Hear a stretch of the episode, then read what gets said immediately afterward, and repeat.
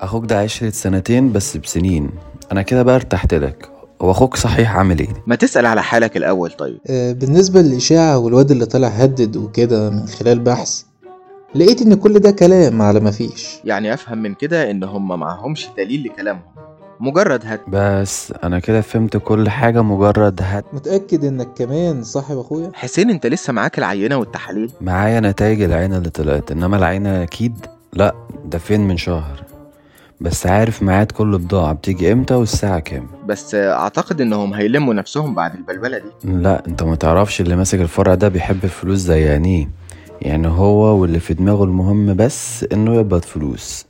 من البضاعة ويحط في جيبه كده يبقى نخاطر وإحنا مطمنين بس المشكلة ازاي هندخل ونتسحب وناخد عينة لا إحنا مش هنعمل أي حاجة إحنا هنبلغ وزارة الصحة وهي تتصرف بمعرفتها يا عم دول كمان بيرشوهم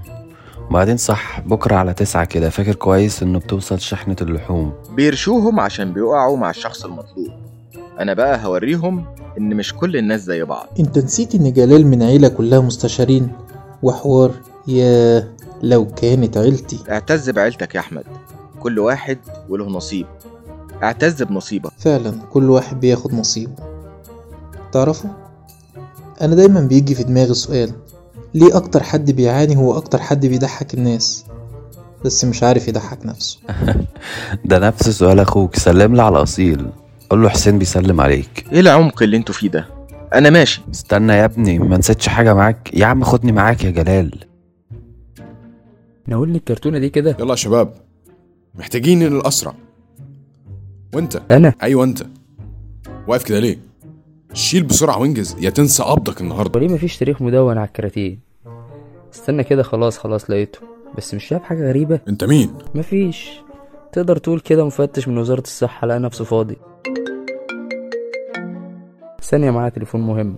ألو أيوة يا أدهم مجهز كاميرا صغيرة تصور بيها تقول لقيت بضاعة فاسدة وشمعته المحل تمام تمام ركز وسجل كلامك مع مدير المطعم طب حلو في هنا كمان محل هيشمع الحق يا ريس مفتش صحه جه وبيقول هشمع المكان ازاي ده ومحدش بلغني